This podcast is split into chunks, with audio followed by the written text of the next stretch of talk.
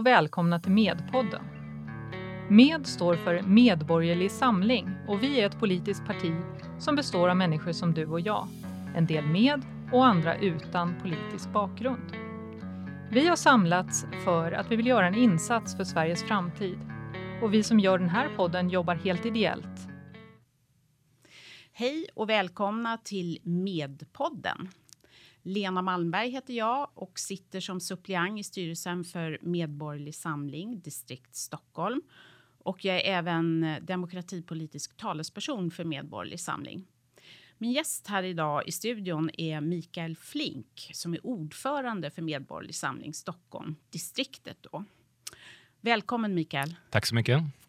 Jag tänkte att vi skulle prata, förutom om politik, även börja med att du berättar lite grann om vem du är och var du kommer ifrån. Ja, gärna. Eh, jag är 48 år gammal. Eh, jag har bott i Stockholm sedan eh, 98, så det börjar bli några år vid det här laget. Ursprungligen så kommer jag från Skåne. Jag har vuxit upp i en liten ort som heter Södra Sandby på den skånska landsbygden. Eh, tillbringade rätt mycket tid som liten hos min eh, mormor och morfar som hade en avstyckad gård. Så där fick man ju vara ute och eh, hacka ogräs och ta hand om potatis och jordgubbar och grönsaker och andra skojigheter som liten.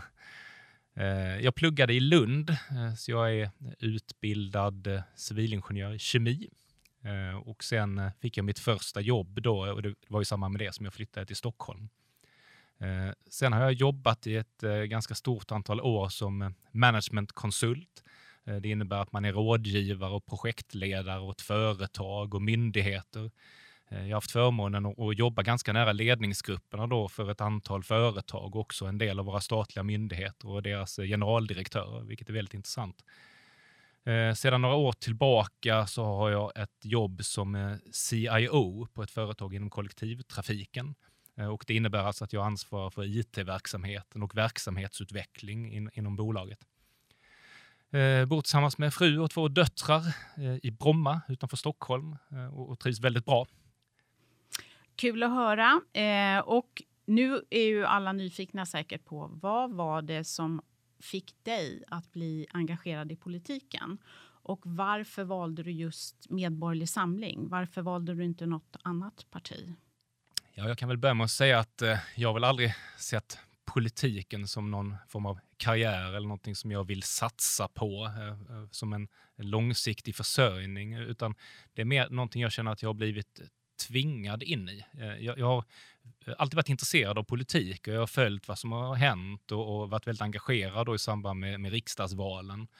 Eh, men sen har jag eh, överlåtit det här till politikerna och låtit dem sköta sitt jobb och så har jag skött mitt jobb och gått till kontoret och gjort mina grejer som jag upplevde att jag var bra på.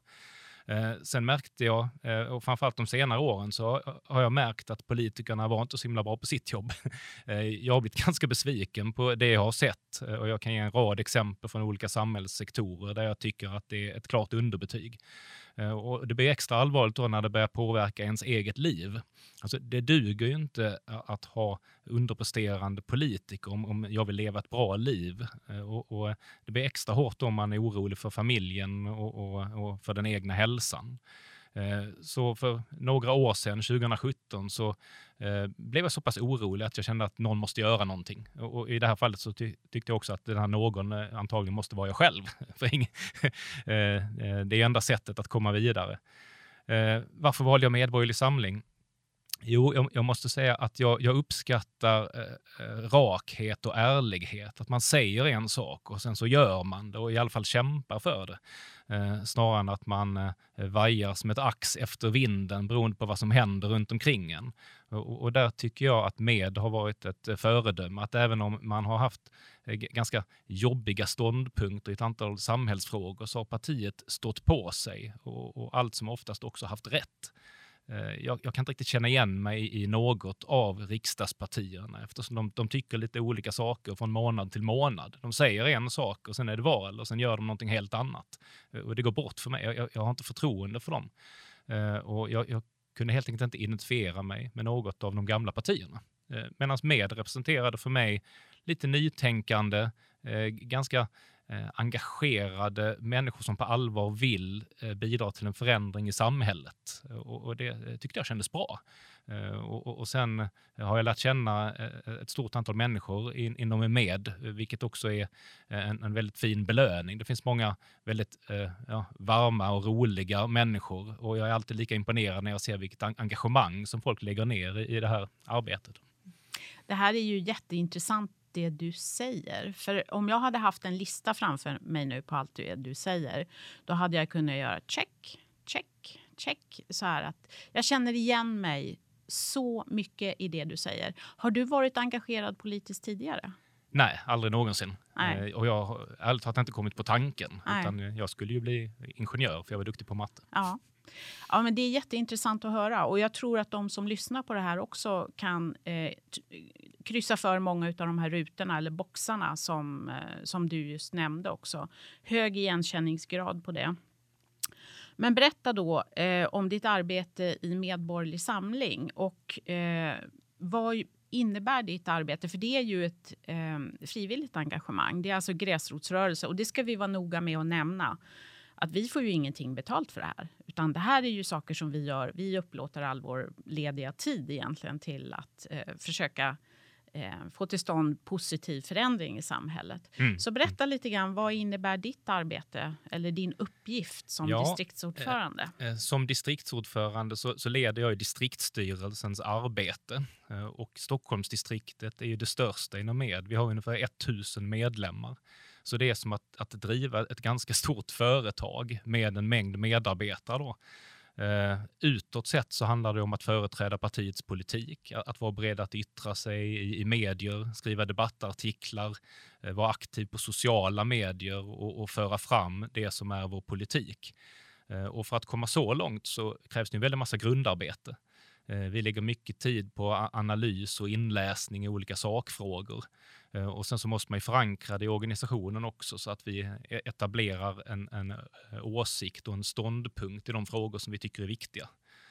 Eh, sen måste jag säga att 70-80 av arbetet är sånt som inte syns. Det är att hålla igång organisationen, att se till att hålla protokollförda möten, sköta ekonomin, rekrytera entusiastiska personer och fördela arbete mellan dem. Eh, och, och sen också se till att folk trivs och har roligt. Det ger ju en extra dimension det här då att eh, eh, arbetsleda och motivera folk som inte får någon lön för det de gör. Ja, för det, det är ju det man undrar. Hur kommer det sig att vi, säger jag nu eftersom jag själv är med i den gruppen. Vad tror du det är som gör att människor är beredda att ställa upp och göra allt det här jobbet utan lön? Jag skulle säga inledningsvis så tror jag att det är Eh, frustration. Eh, vi får väldigt många nya medlemmar eh, just nu och, sedan en tid tillbaka. Och de flesta som kommer till oss de upplever det som en lättnad att, att kunna tala ut lite grann om sin politiska frustration och, och, och träffa andra likasinnade då, som, som kanske också är, är, missnöjda med olika frågor. Och sen det här förlösande att faktiskt få göra någonting åt det. För det handlar inte bara om att kritisera utan det handlar om att tänka till lite själv och försöka göra någonting bättre. Annars har vi inte tillfört någonting. Eh, och det som driver folk tror jag faktiskt är en, en genuin vilja eh, att eh, bidra till ett bättre samhälle. Ja, och det är ju många som räcker upp händerna också. Så att eh, jag kan tänka mig att ditt professionella liv verkligen kommer väl till pass i det här arbetet med att för man kan ju säga trots allt att Medborgerlig Samling är ett nytt parti, även om vi har några år på nacken. Men nu har vi funnits några år och dessutom hunnit med att vara med i två val. 2018 till riksdag och region och kommuner och 2019 i EU-valet. Här vill jag bara flika in också att vi lyckades på första försöket att komma in i tre kommuner i Sverige. Och Det är värt att notera, tycker jag, att det här frivilligarbetet ger resultat. Eh, om man tittar då på hur vi är organiserade i Stockholm. Kan du berätta lite grann om hur det ser ut, eh, mm. själva Stockholmsdistriktet? Eh, lite kort då, Stockholms län innehåller 26 kommuner eh, och vår uppgift är ju att samordna det politiska arbetet i samtliga dessa 26 kommuner. Vi pratar alltså om ett område där bor nästan 2,5 miljoner människor eh, och, och som dessutom är ganska stort till ytan. Vi har valt att fokusera då på tre lite större Eh, delar. Vi har eh, Stockholms stad som är vår eh, överlägset största kommun. Där har vi en lokalförening som i sin tur består av ett antal lokala nätverk med, med ungefär hälften av distriktets medlemmar. Sen i kommunerna söder om stan så har vi ett nätverk som heter Stockholm syd och för kommunerna norr om Stockholms stad så, så har vi ett motsvarande nätverk som vi kallar för Stockholm norrort. På lokal nivå så finns det då lokalföreningar i några av de mest aktiva kommunerna. Och där är det alltså en egen förening med en egen styrelse som själv bestämmer vilken politik de ska föra i kommunen och, och vad de ska gå till val på eh, till sin kommunfullmäktige. Sen utöver det så har vi ett antal stödfunktioner som eh, hjälper till med kampanjer, kommunikation, sociala medier och så vidare då, som drivs från distriktet. Mm. Och då kan vi passa på att flika in här att eh, ni som lyssnar nu och tänker att det här låter intressant och jag vill veta mer. Då kan man gå in på vår hemsida som heter då medborgerlig samling i ett ord.se. Och där finns det en flik speciellt som talar om var vi är aktiva någonstans så att man kan hitta sin kommun eller Ehm, de här Stockholm norrort och Stockholm syd som du berättade om också. Sen är vi ju väldigt aktiva, det, det, måste jag också tillägga, på alla typer av sociala medier. Vi finns ju överallt på Twitter, vi finns på Facebook, vi finns på Instagram och vi finns på Youtube. Ehm, så tveka inte att höra av er om ni är intresserade och vill veta mer, för det finns kontaktinformation på hemsidan. Men det här låter ju som, det låter väldigt intressant och det är ett stort område. Men då inställer sig nästa fråga. Vad vill Medborgerlig Samling? Vad, vad vill partiet göra? Ja, eh, vi vill ju föra eh, en politik som eh, bidrar till ett bättre samhälle för medborgare och företag. Det är en frihetlig politik, vi kallar det för en borgerlig politik, eller kanske till och med en riktig borgerlig politik. Eh, för jag, jag, tycker att flera av de partier som kallar sig borgerliga idag är inte riktigt pålitliga i alla avseenden när, när det gäller att eh, svara upp mot, mot, det vi kallar en borgerlig politik. Eh, det finns då ett, ett, flertal kärnfrågor som vi jobbar med. Eh, personligen så brinner jag ju mycket för eh, eh kampen mot skatteslöseri och bidragsfusk. Alltså att, att eh, värna om statens och kommunernas kärnuppdrag och se till att pengarna går till rätt saker. Självklart så ska vi ha en, en offentlig sektor som hjälper till att, att skydda samhällets svagaste och att se till att säkerställa eh, trygghet eh, åt medborgarna och ett fungerande samhälle, bra infrastruktur och så vidare. Eh, så det här att, att värna om kärnuppdraget och se till att eh, kommunerna och staten inte slösar med sina pengar. Sen om det i förlängningen då leder till att man dessutom kan sänka skatten så är det alldeles utomordentligt. För då för det över en del av makten från staten till eh, medborgaren. Och jag, jag, tror att de flesta av oss är alldeles utmärkt skickade att bestämma själva. Och det handlar inte om att vi ska köpa kaviar och champagne för pengarna. Eh, e-, eller åka på, på eh, lyxkryssningar. Utan jag, jag, tror faktiskt att människor som blir sittande med, med lite extra pengar eh, gör nog en hel del bra grejer för det. det. det. kan handla om att du eh, donerar det till något välgörande ändamål eller driver någon verksamhet eller finansierar någonting eller kanske startar ett företag. Så det, det finns ingen girighet med att låta en, en, en skattebetalare själv bestämma vad medlen ska användas till istället för att filtrera det genom en byråkratisk apparat. Som dessutom kostar en massa pengar också. Ja. Själva administrationen av eh, skattehanteringen. Och, och om man då får behålla de här pengarna i fickan Eh, ja. och då kan man ju själv välja om man vill ge det till vuxna människor och deras religiösa utövning i en förening och så vidare. Mm. Men det ska inte kommunen eller staten göra ja. åt oss. Och, och, en annan sak som jag vill framföra, mycket av det som staten och kommunerna håller på med, det är, då, eh, det, det är sånt som eh, folk gärna skulle göra själva i ideella föreningar. Mm.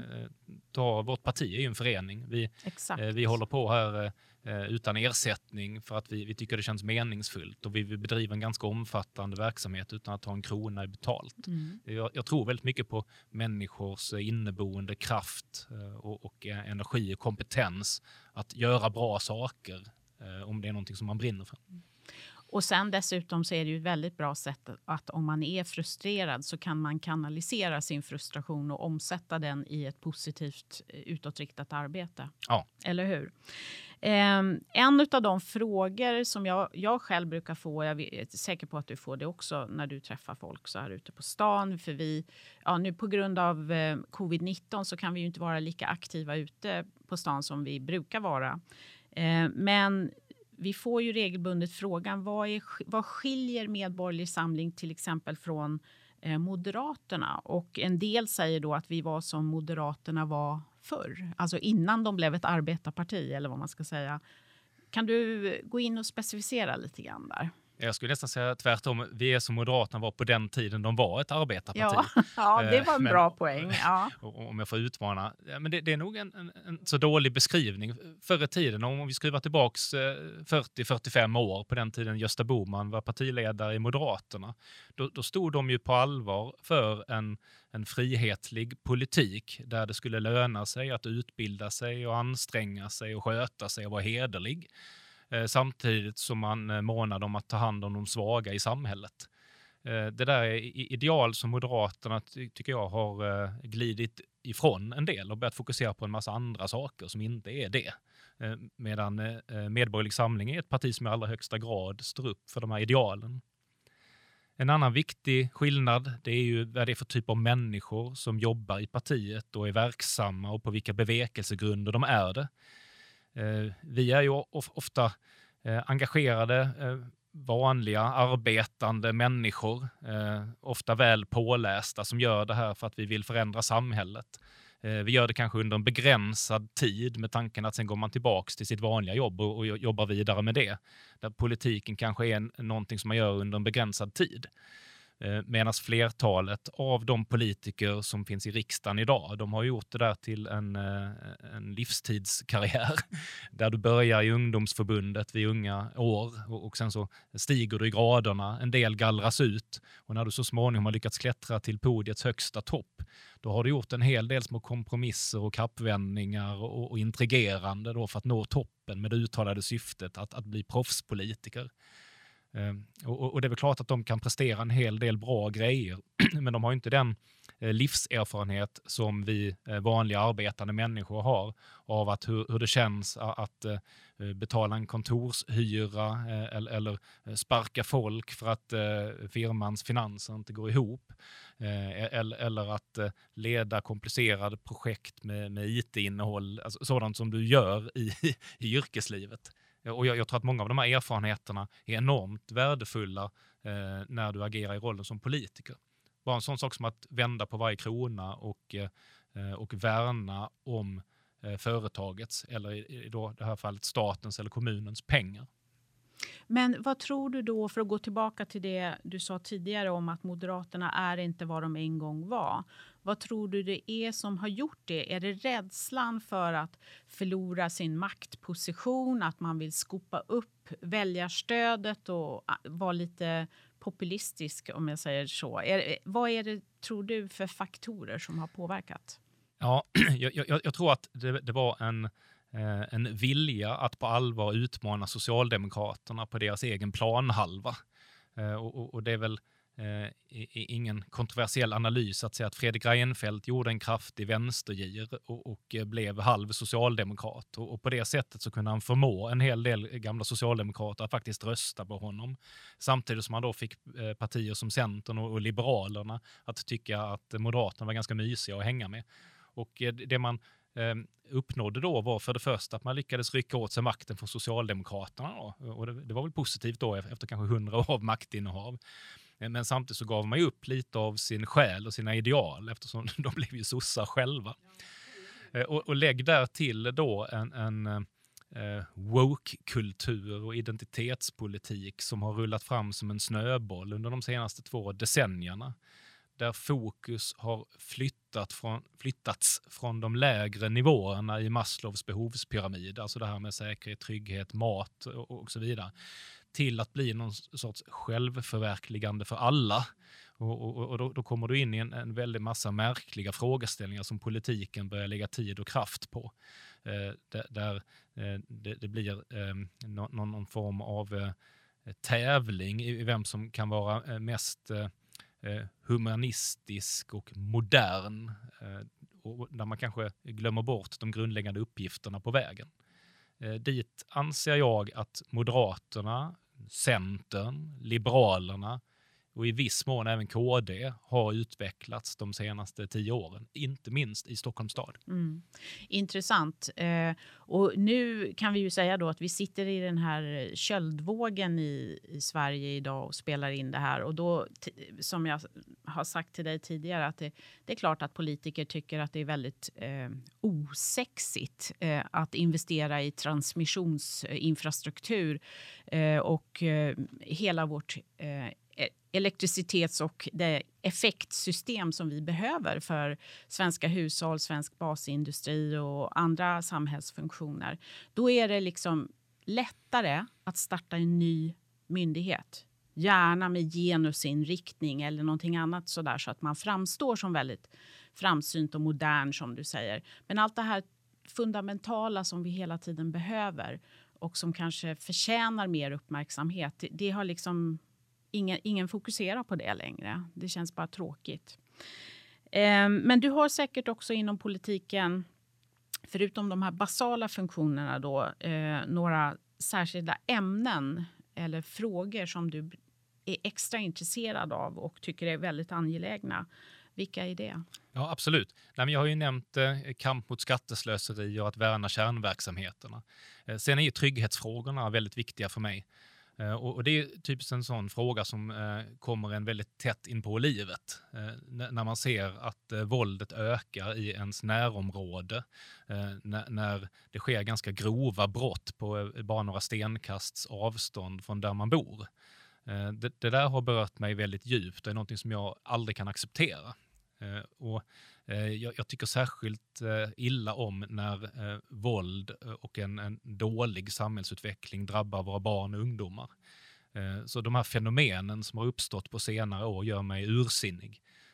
Ungdomsrån, förnedringsrån, gruppvåldtäkt det, det, det, finns en, en, massa begrepp som inte ens var kända för 10-15 år sedan som har börjat bli mer och mer mainstream på senare tid. Vi, hittar, vi hittar dem snart i ordlistan och de kanske redan finns de, där. De finns säkert finns redan där. Ja, nya ja. ord. Eh, och, och, och, också hur, hur, barn och ungdomar verkar på något sätt vänja sig vid detta. Eh, eh, där barn kanske eh, går förbi en eh, mordplats så tycker jag, nu var det någon som blev mördad där igår. Ja, men det händer jämt, så det, var, det är kanske inte så mycket att höja på ögonbrynen för, utan det får vi vänja oss vid och, och, och mer eller mindre acceptera. Men, men var, det, var det inte så här förr då? Nej, det var det inte. Eh, vi, vi, hade naturligtvis eh, ett stort antal eh, mord och våldshandlingar i Sverige, eh, även när jag växte upp. Men karaktären och grovheten på brottsligheten har ju eh, ändrats radikalt. Eh, vi, vi har ju då, eh, om man tittar på statistiken så har förbättrad sjukvård, förbättrade kommunikationer och andra säkerhetshöjande åtgärder i samhället har gjort att de här Eh, eh, traditionella eh, raggarbråksfyllebrotten och morden, de, de, har ju avtagit rejält. Det kan vi se i omvärlden också, det har hänt i alla länder i princip. Medan i Sverige så har det där då till viss mån kompenserats med en annan typ av brottslighet som har ökat istället. Och, och där har vi då de här riktigt otäcka våldskategorierna, skjutningar och, och de här olika typerna av rån och förnedring som jag pratade om tidigare. Och just det här inslaget av eh, att eh, det räcker inte att, att, du, att du rånar eller attackerar ditt offer, att du dessutom ska förnedra dem. Mm. Du tar det ett där, steg längre. Eh, där går säkringarna ja. hos mig, för där, ja. där, har du gått över en gräns. Och det, det, är mm. inte värdigt att vi tolererar det i ett samhälle. Och, där, där, måste vi bekämpa med, med ganska tuffa medel. Ja. Och eh, vad tycker du då och Medborgerlig Samling, hur gör vi någonting åt de här problemen? Vad gör vi? Och det är frågan vilka som är vi.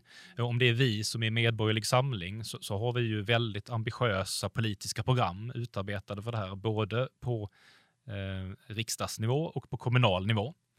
Eh, och jag vill börja med att säga att det här är ingen quick fix.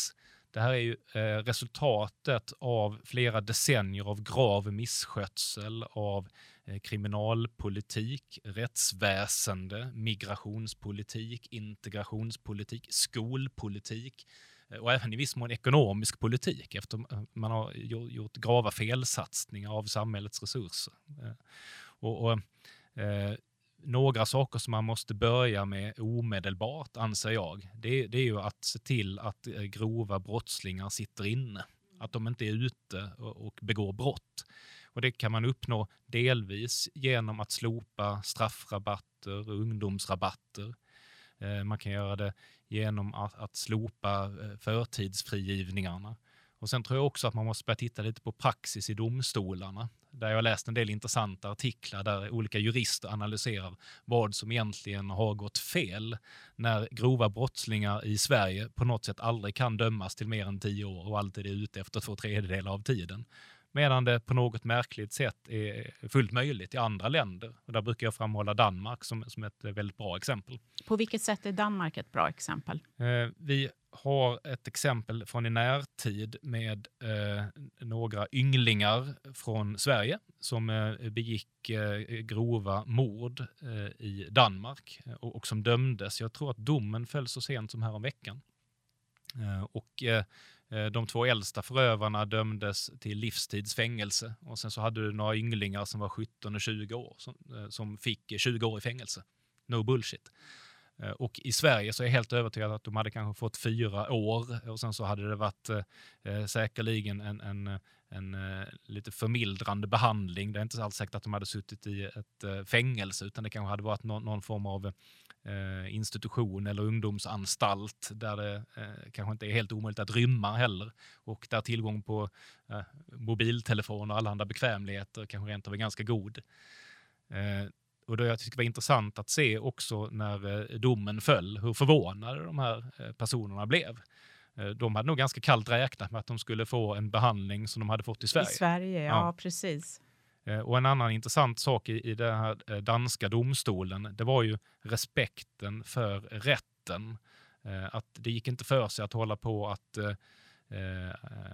att förolämpa rättens personal och när man teg in i det längsta, de här som stod åtalade, de eh, väntade med att ge sin historia till det allra, allra sista ögonblicket i rättssalen. Och då hölls det emot dem, eh, så tillvida att eh, rätten ansåg att deras eh, berättelse inte var trovärdig eftersom de hade varit tysta hela tiden.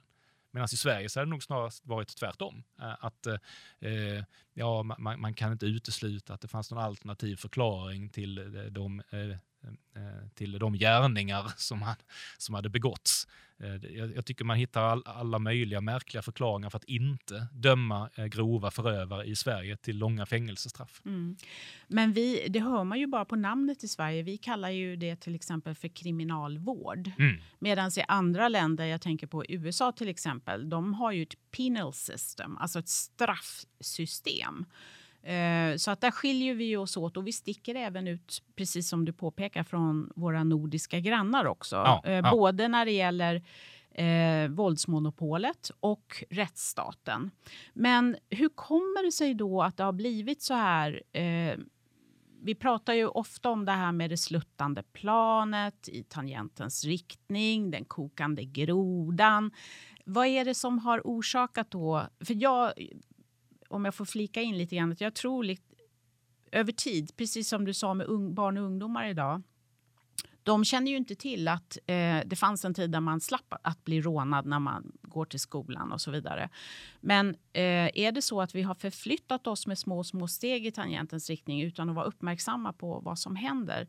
Eh, eller vad tror du? Vad är det som har skett? Hur har vi hamnat här? Ja, jag tror absolut att det är så. Det är ingenting som har skett som en, en stegförändring över en natt eller ens över ett år. Ehm, personligen så tror jag att väldigt mycket har sin upprinnelse i den syn på brottslighet som, som etablerades när jag själv växte upp på 70 och 80-talet.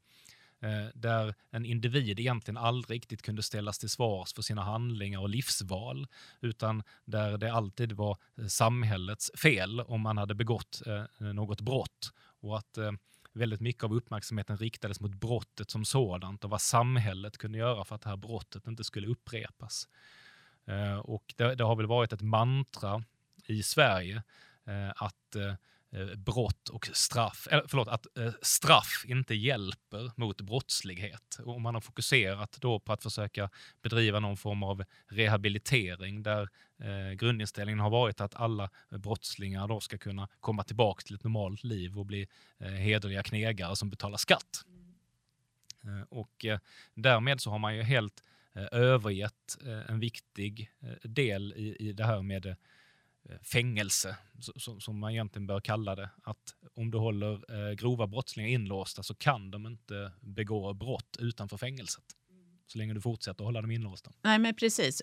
Så att eh, straffsystemet ska ju också vara till för att skydda allmänheten mm. så att de inte blir utsatta för de här brottslingarna igen. Ja. För, det, för just återfallsbrottslighet, det är ju ganska vanligt också. Det är ju sällan eh, det drabbar bara sådana som gör ett brott en gång, mm. utan det är det här fram och tillbaka. Mm. Och jag är den första att säga att människor ska ha många chanser. Eh, all, alla kan göra bort sig och begå dumheter, då, särskilt när man är ung. Uh, och, och, därför så tycker jag det är viktigt att, uh, att man de första gångerna man, man åker dit och trampar i klaveret så ska det vara ganska milda påföljder. Uh, men i takt med att man upprepar brottsligheten och, och att man på något sätt eh, visa att man inte är mottaglig för detta, att man inte har förstått någonting, att man inte tänker rätta in sig och, och, och sluta vara kriminell. Då anser jag att samhället måste svara med en ganska kraftig eskalering. Och, och där har ju Medborgerlig Samling eh, fattat ett väldigt bra beslut vid den senaste partistämman eh, där vi vill lägga på ett rejält eh, straffpåslag vid det tredje gången man åker dit med ett fängelsestraff för ett väldigt grovt brott. Eh, då beslutade partistämman att man får eh, tio år extra på kåken. Eh, och det är ju ett, en väldigt viktig signal som även om man då kanske inte hörsammar den så innebär det i alla fall att brottslingen hålls borta från gatorna under en mycket lång tid. Eh, och tyvärr är det ju så att det är typiskt i, i åldern mellan 15 och 35 som eh, företrädesvis män är extra brottsaktiva. Och eh, vissa individer är, är, helt enkelt inte lämpade att springa omkring på gatorna i, i den åldern, tyvärr. Och då passar jag på att inflika igen att ni som lyssnar och tycker det här låter intressant, gå in på medborgerligsamling.se. Titta då under politiska program och eh, där finns det rättspolitiska programmet och titta på det för att det är verkligen intressant. Särskilt det här med three strikes and you're out eller i alla fall att du får tio, tio år extra.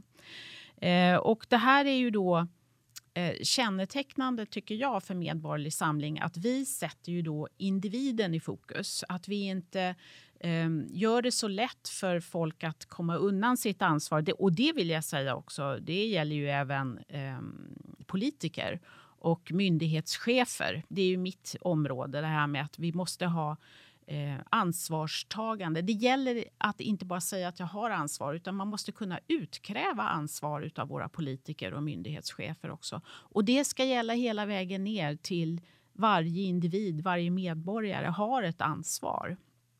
Eh, och, då, och vi som parti sätter ju då individen i fokus och eh, lämpar inte över allting på staten utan staten ska då sköta de här kärnuppgifterna men sen ska det vara upp till oss som individuella medborgare att dra vårt strå till stacken. Eh, och där sticker vi ut lite grann också för vi tänker själva och granskar kritiskt. Varför är det viktigt och hur ser du det i de som kommer med i Medborgerlig Samling? Hur, hur märker du det? Eh, nej, som jag berättade tidigare så har folk ofta hunnit bli ganska eh, Eh, frustrerade innan det går så långt som att de tecknar medlemskap i ett politiskt parti. ja. Flertalet av partikollegorna de är faktiskt lite grann som jag själv, att man har aldrig tänkt sig att man ska vara medlem i ett parti eller vara engagerad, utan man har velat följa det där lite grann på avstånd. Eh, det jag ser är att det är, det är människor som bryr sig. Eh, det är människor som ofta har läst på en hel del Eh, och eh, det här med att tänka själv är ju extra viktigt i det medielandskap som vi har idag, där du matas med information från så många olika håll. Så du, du kan inte bara eh, förlita dig på en eller två kanaler. Eh, utan själv så försöker jag inhämta information via åtminstone 10-15 olika kanaler, allt från vänster till höger. Och, och, sen måste man göra det där lilla jobbiga på slutet och det är att själv göra någon form av rimlighetsbedömning och, och, och tänka till. Och eh, den sista viktiga grejen som jag ser att folk gör, det är att de vågar säga vad de tycker. Eh, det, det, är ju eh, någonting som är eh, extra svårt för de flesta svenskar. För det, det, är få saker som är så pinsamma som att du vågar yttra en, en politisk uppfattning som de andra i rummet inte håller med om det kan få förödande konsekvenser eh, genom att du, eh, du kan ses som en, en obskyr person eller, eller, du kan till och med bli av med jobbet eller bli av med vänner för, för att du då haft fräckheten att yttra dig och inte tyckte samma som det som där och då var eh, politiskt acceptabelt.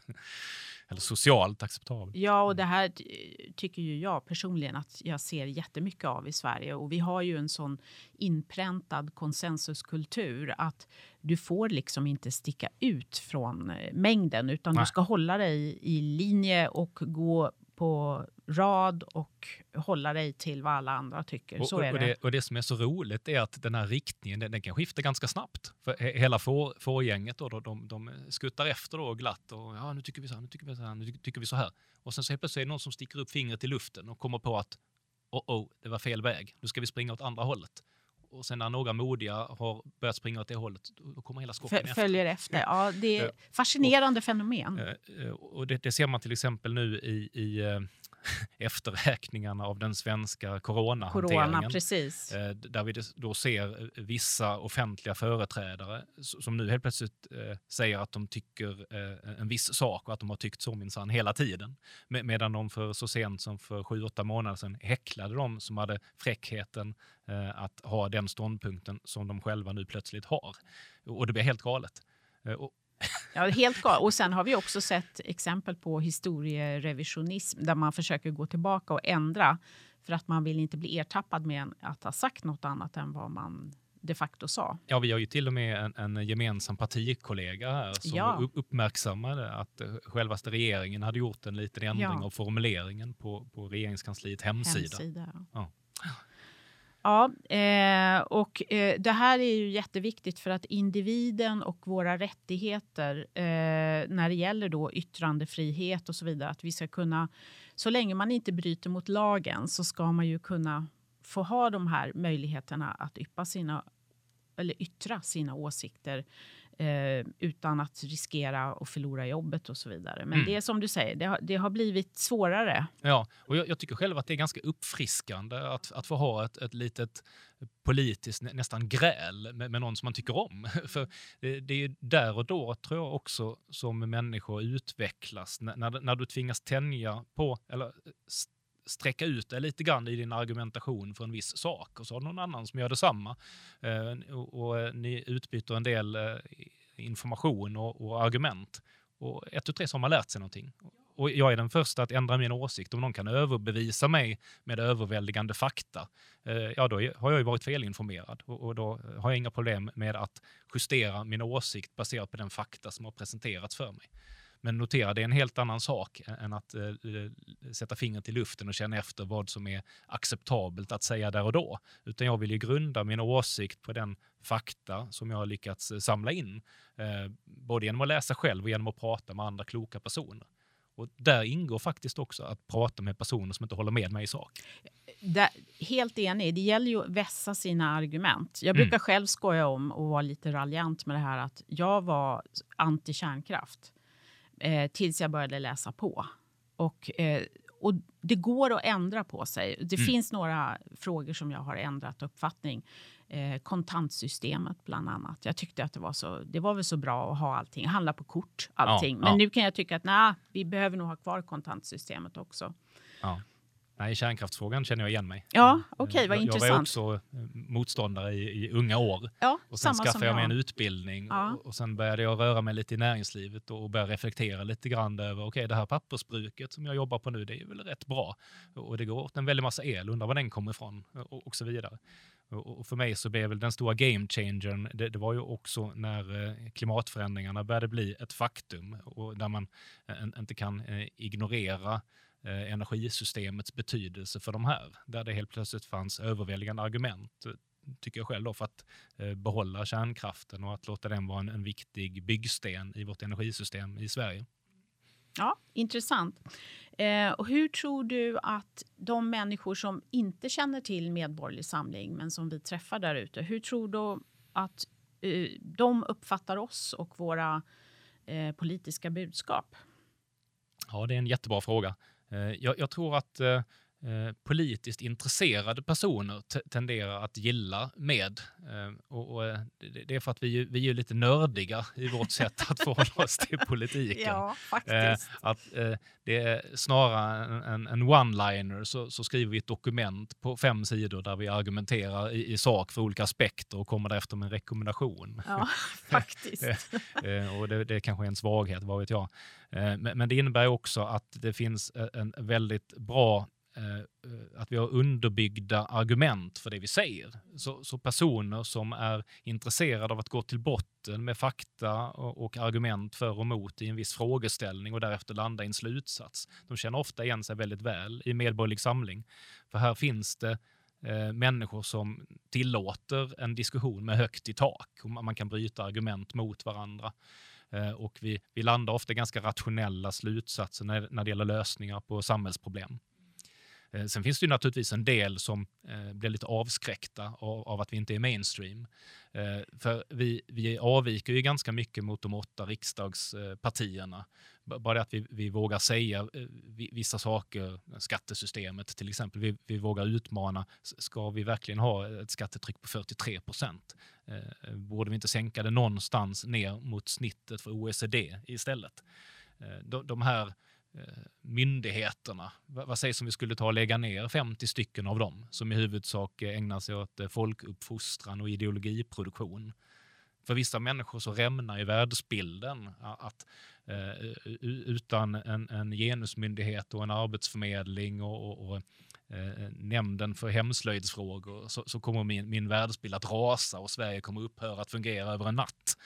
Eh, och, och det får man väl respektera att, eh, att man, man vet ju vad man har men vet, vet inte vad man får. Och, och där tror jag att med eh, uppfattas hos en del som lite läskigt för, för att vi, vi, vågar utmana rätt mycket av etablerade politiska sanningar i Sverige. Och eh, när du säger så här, för jag tänkte lite grann på nu, nu eh, jobbar ju vi väldigt aktivt på ett par håll. Och en sak som vi inte har pratat om det är hur lång tid tar det för Medborgerlig Samling att verkligen göra avtryck i politiken? För nu siktar vi ju på valet till 2022. Ja. Eh, men det kan ju vi säga som har varit med nu ett par år och två val på, på nio månader låg de ju ifrån varandra. Um, att det här är ingen, det här är ett maratonlopp, mm. eller mm. hur? Att, ja. uh, så man måste ha en bra strategi och fylla den med uthärdlig taktik? Mm. Eh, jag skulle vilja ge ett ganska långt svar på den frågan, för, för den är väldigt bra och, och, och rymmer många bottnar. Eh, till att börja med vill jag säga att vi påverkar redan svensk politik i allra högsta grad. För flera av de politiska förslag som kommer från med har eh, från tid till annan kopierats rakt av, eller nära på rakt av, av eh, riksdagspartierna. Vi har, vi har ett lysande exempel i den eh, biometriska folkräkningen där vår partiledare Ilan Sadeh eh, skrev ett brev till samtliga riksdagsledamöter eh, i, i januari för lite drygt ett år sedan. Eh, och eh, inom några månader så var det flera partier, eh, utan att nämna några, som, som la fram detta som sina egna förslag. Och det diskuterades i riksdagens utskott. Sen, sen så föll det tyvärr då på att sittande regering tyckte inte att det här var nödvändigt eller behövdes då för att komma till rätta med bidragsfusk och kriminalitet och annat. Ehm, men, men fröet är sått? Fröet är sått, så, så där, där, påverkar vi politiken i allra högsta grad. Och det finns andra exempel inom exempelvis migrationspolitiken, energipolitiken och, och andra områden. Så vi, vi, vi, kommer med en väldigt massa bra idéer och, och driver eh, vissa av partierna framför oss på det sättet. Det, det, är rätt kul. Ja, och där vill jag passa på att lyfta då den här eh, kärnkraftskampanjen ja. som vi faktiskt lyfte redan i advent 2019 mm. eh, och började nedräkningen till avstängningen då utav Ringhals 2. Och sen har vi kört i ett, drygt ett år och nu är vi inne på ett och ett halvt år. Ja. Eh, och nu eh, i den här köldknäppen så börjar ju allmänheten också förstå att det är inte rimligt att svensk allmänhet ska avstå dammsugning för att eh, den svenska elproduktionen går på knäna. Mm. Eh, och i och med att vi stängde ettan och tvåan på Ringhals så har vi nu alltså 7% mindre elproduktion än vad vi hade för 14 månader sedan. Ja, och, och det här såg vi ju tydligt eh, långt innan eh, nedstängningarna började. Vi, vi, vi planerade den här kampanjen tidigt under hösten 2019 och kan du tänka dig, som av en tillfällighet så svängde både Moderaterna och Kristdemokraterna i december 2019. Intressant. Och, och hoppade av energiöverenskommelsen. Fram tills dess så stod de bakom beslutet att de här reaktorerna skulle stängas ned. He, helt i enlighet med den överenskommelsen som de hade träffat då med, med Centern och, och, och sossarna och Miljöpartiet. Och, och, i förtid ska vi säga. För ja. att, eh, nedstängningsplanerna fanns ju, men det här var ju sex och fem år i förtid respektive. Eh, och det intressanta tycker jag är att om man går in och tittar på energiöverenskommelsen. Nu kanske vi kommer lite från ämnet, men jag tycker det är så intressant att du tar upp det här. För att i den så står det då på första sidan att eh, år 2040 Mm. så ska man ha skiftat över till helt hållbar energiproduktion. Det är ett mål och det är inte ett krav. Men jag ser samtidigt det är 19 år kvar. Eh, och hur ska vi kunna på 19 år göra oss av med vattenkraft och kärnkraft när en dag som i lördags vindkraften stod för 3% av all elproduktion. Alltså det här är sån här enhörningsideologi som inte hör hemma, tycker jag, i ett eh, välfungerande land. Nu, nu, tror jag i och för sig ingen förnuftig person vill att vi ska göra oss av med vattenkraften. Men, men det är intressant att du säger det eftersom EU tydligen har eh, bestämt i något forum att... Att Den ska in... inte räknas Nej. som hållbar längre. Och, och, vattenkraften står ju för ungefär 50 procent av vår totala elproduktion. Ja, ja. Eh, så både EU har bestämt alltså att både vattenkraft och kärnkraft ska räknas som icke hållbara. Jag, jag var bara tvungen att flika in ja, det. Ja, det, det, det är så galet. Får jag fortsätta svara på din fråga, ja, Lena? För jag tyckte den var så intressant. ja, fortsätt. Eh, ett annat område där vi i allra högsta grad påverkar politiken idag, det är ju våra kommuner. Vi, vi har ju eh, eh, ledamöter i kommunfullmäktige både i Laholm och i Hör och i Torsås. Så, och, och vår kollega Anna Ljung i Hör, hon, hon eh, låter ju eh, eh, höra om sig när det gäller att kritisera den här misskötseln och slöseriet med kommunens resurser. Eh, och hon är ju lantbrukare, så hon är ju van vid det här att vända på varenda krona och ifrågasätta många av de eh, rena tokigheter som, som sker i, i den kommunen. Eh, sen, sen, tror jag också att när vi kommer in i valrörelsen här, eh, när vi kommer att satsa hårt både på riksdag och ett antal kommuner och någon region, då, då kommer ju naturligtvis eh, våra politiska utspel att bli en del i valrörelsen och säkerligen fångas upp av andra partier, vilket sen kommer att påverka politiken under den kommande mandatperioden. Och jag är helt övertygad om att vi kommer att sitta i ett antal kommunfullmäktige efter 2022 med, med den enorma satsning och, och, driv som vi gör just nu. Mm. Och en av dem är ju Stockholms stadshus då, eller hur? Jajamän, mm. där ska vi in. Yes, bra. Eh, och jag tänkte att vi, nu har vi pratat en ganska lång stund, men jag tänkte att vi skulle runda av med en fråga, för vi har ju pratat mycket om problem och sådär, men eh, finns det några positiva saker som du ser med den framtida utvecklingen? Och eh, ja, vad skulle du vilja säga som en positiv avslutning och hur ser du på framtiden? Ja, vilken, vilken trevlig fråga. Ja. Eh, jag är i grunden optimist och jag tror på människans inneboende förmåga att eh, ta sig hampan när det gäller, ta tag i sin situation och lösa problem. Eh, en positiv grej som jag ser just nu är att det finns faktiskt allt fler människor som vågar informera sig, att gå lite grann utanför sin vanliga komfortzon, kanske ställa några extra frågor, läsa på via någon annan kanal än den man normalt informerar sig genom. Eh, och faktiskt också en del människor som vågar säga sitt, sitt hjärtas mening. Eh, jag, jag märker det också i människor som jag eh, pratar med, att eh, när man ser att det är vissa som vågar så är det inte lika läskigt själv då att, att ta steget. Och, och, och det, det, tycker jag är väldigt positivt. Eh, och en annan grej som jag vill lägga till som är väldigt bra, det är ju den eh, digitalisering som sker i samhället och i världen idag.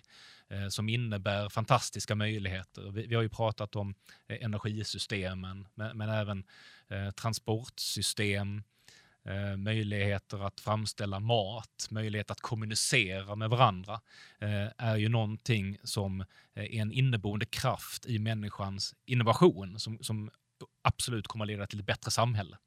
Och, och, där kanske man ska notera att det är inte politikerna som skapar det, utan det är innovativa, dugliga, arbetsamma, eh, motiverade människor som eh, löser problem och bygger sin framtid. Och det är precis de människorna, tror jag, som ser den här möjligheten i Medborgerlig Samling. Det tror jag också. Mm. Med de orden så tycker jag att vi rundar av. Tack Mikael för att du kom hit idag och pratade i Medpodden. Tack så mycket. Och så vill jag bara avrunda med att säga att om ni tycker att det här låter intressant så gå gärna in på medborgerligsamling.se och läs mer om vår politik och hur du eller ni kan engagera er. Tack så mycket. Hej då. Hej då. Du har nu lyssnat på Medpodden, en podcast från Medborgerlig Samling. Vi som gör den här podden jobbar ideellt. Och om du vill stödja Medpodden får du gärna göra det via swishnummer 123 094 0197. 123 094 0197. Pengarna går till produktionskostnader för den här podden och andra mediaproduktioner som vi gör.